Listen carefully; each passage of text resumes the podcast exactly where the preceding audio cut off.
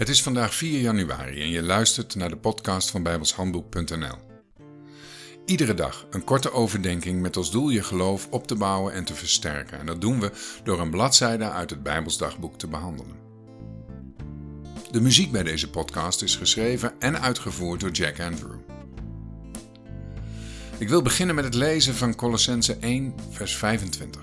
Welker dienaar ik geworden ben naar de bedeling van God, die mij gegeven is aan u om te vervullen het woord Gods.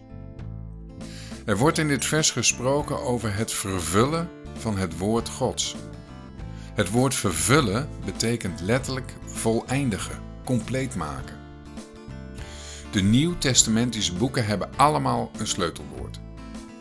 Het sleutelwoord voor de Colossensebrief is volkomenheid of volheid. In dat woord kunnen we ook de woorden voleindiging en compleet maken ontdekken. Iets wat niet volkomen is, is niet compleet, is niet af. Er ontbreekt nog iets. Het is nog niet vol. Dus moet er nog wat bij. En nu spreekt de apostel hier over het vervullen van het woord Gods. Het was onder andere zijn bediening en verantwoordelijkheid om het geschreven woord van God te voltooien, af te maken volkomen te maken, vol te maken, zodat de schrift voleindig en volkomen was.